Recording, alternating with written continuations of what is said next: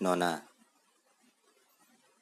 jika sebuah pertemuan yang engkau rindukan, sebaiknya sudahi saja.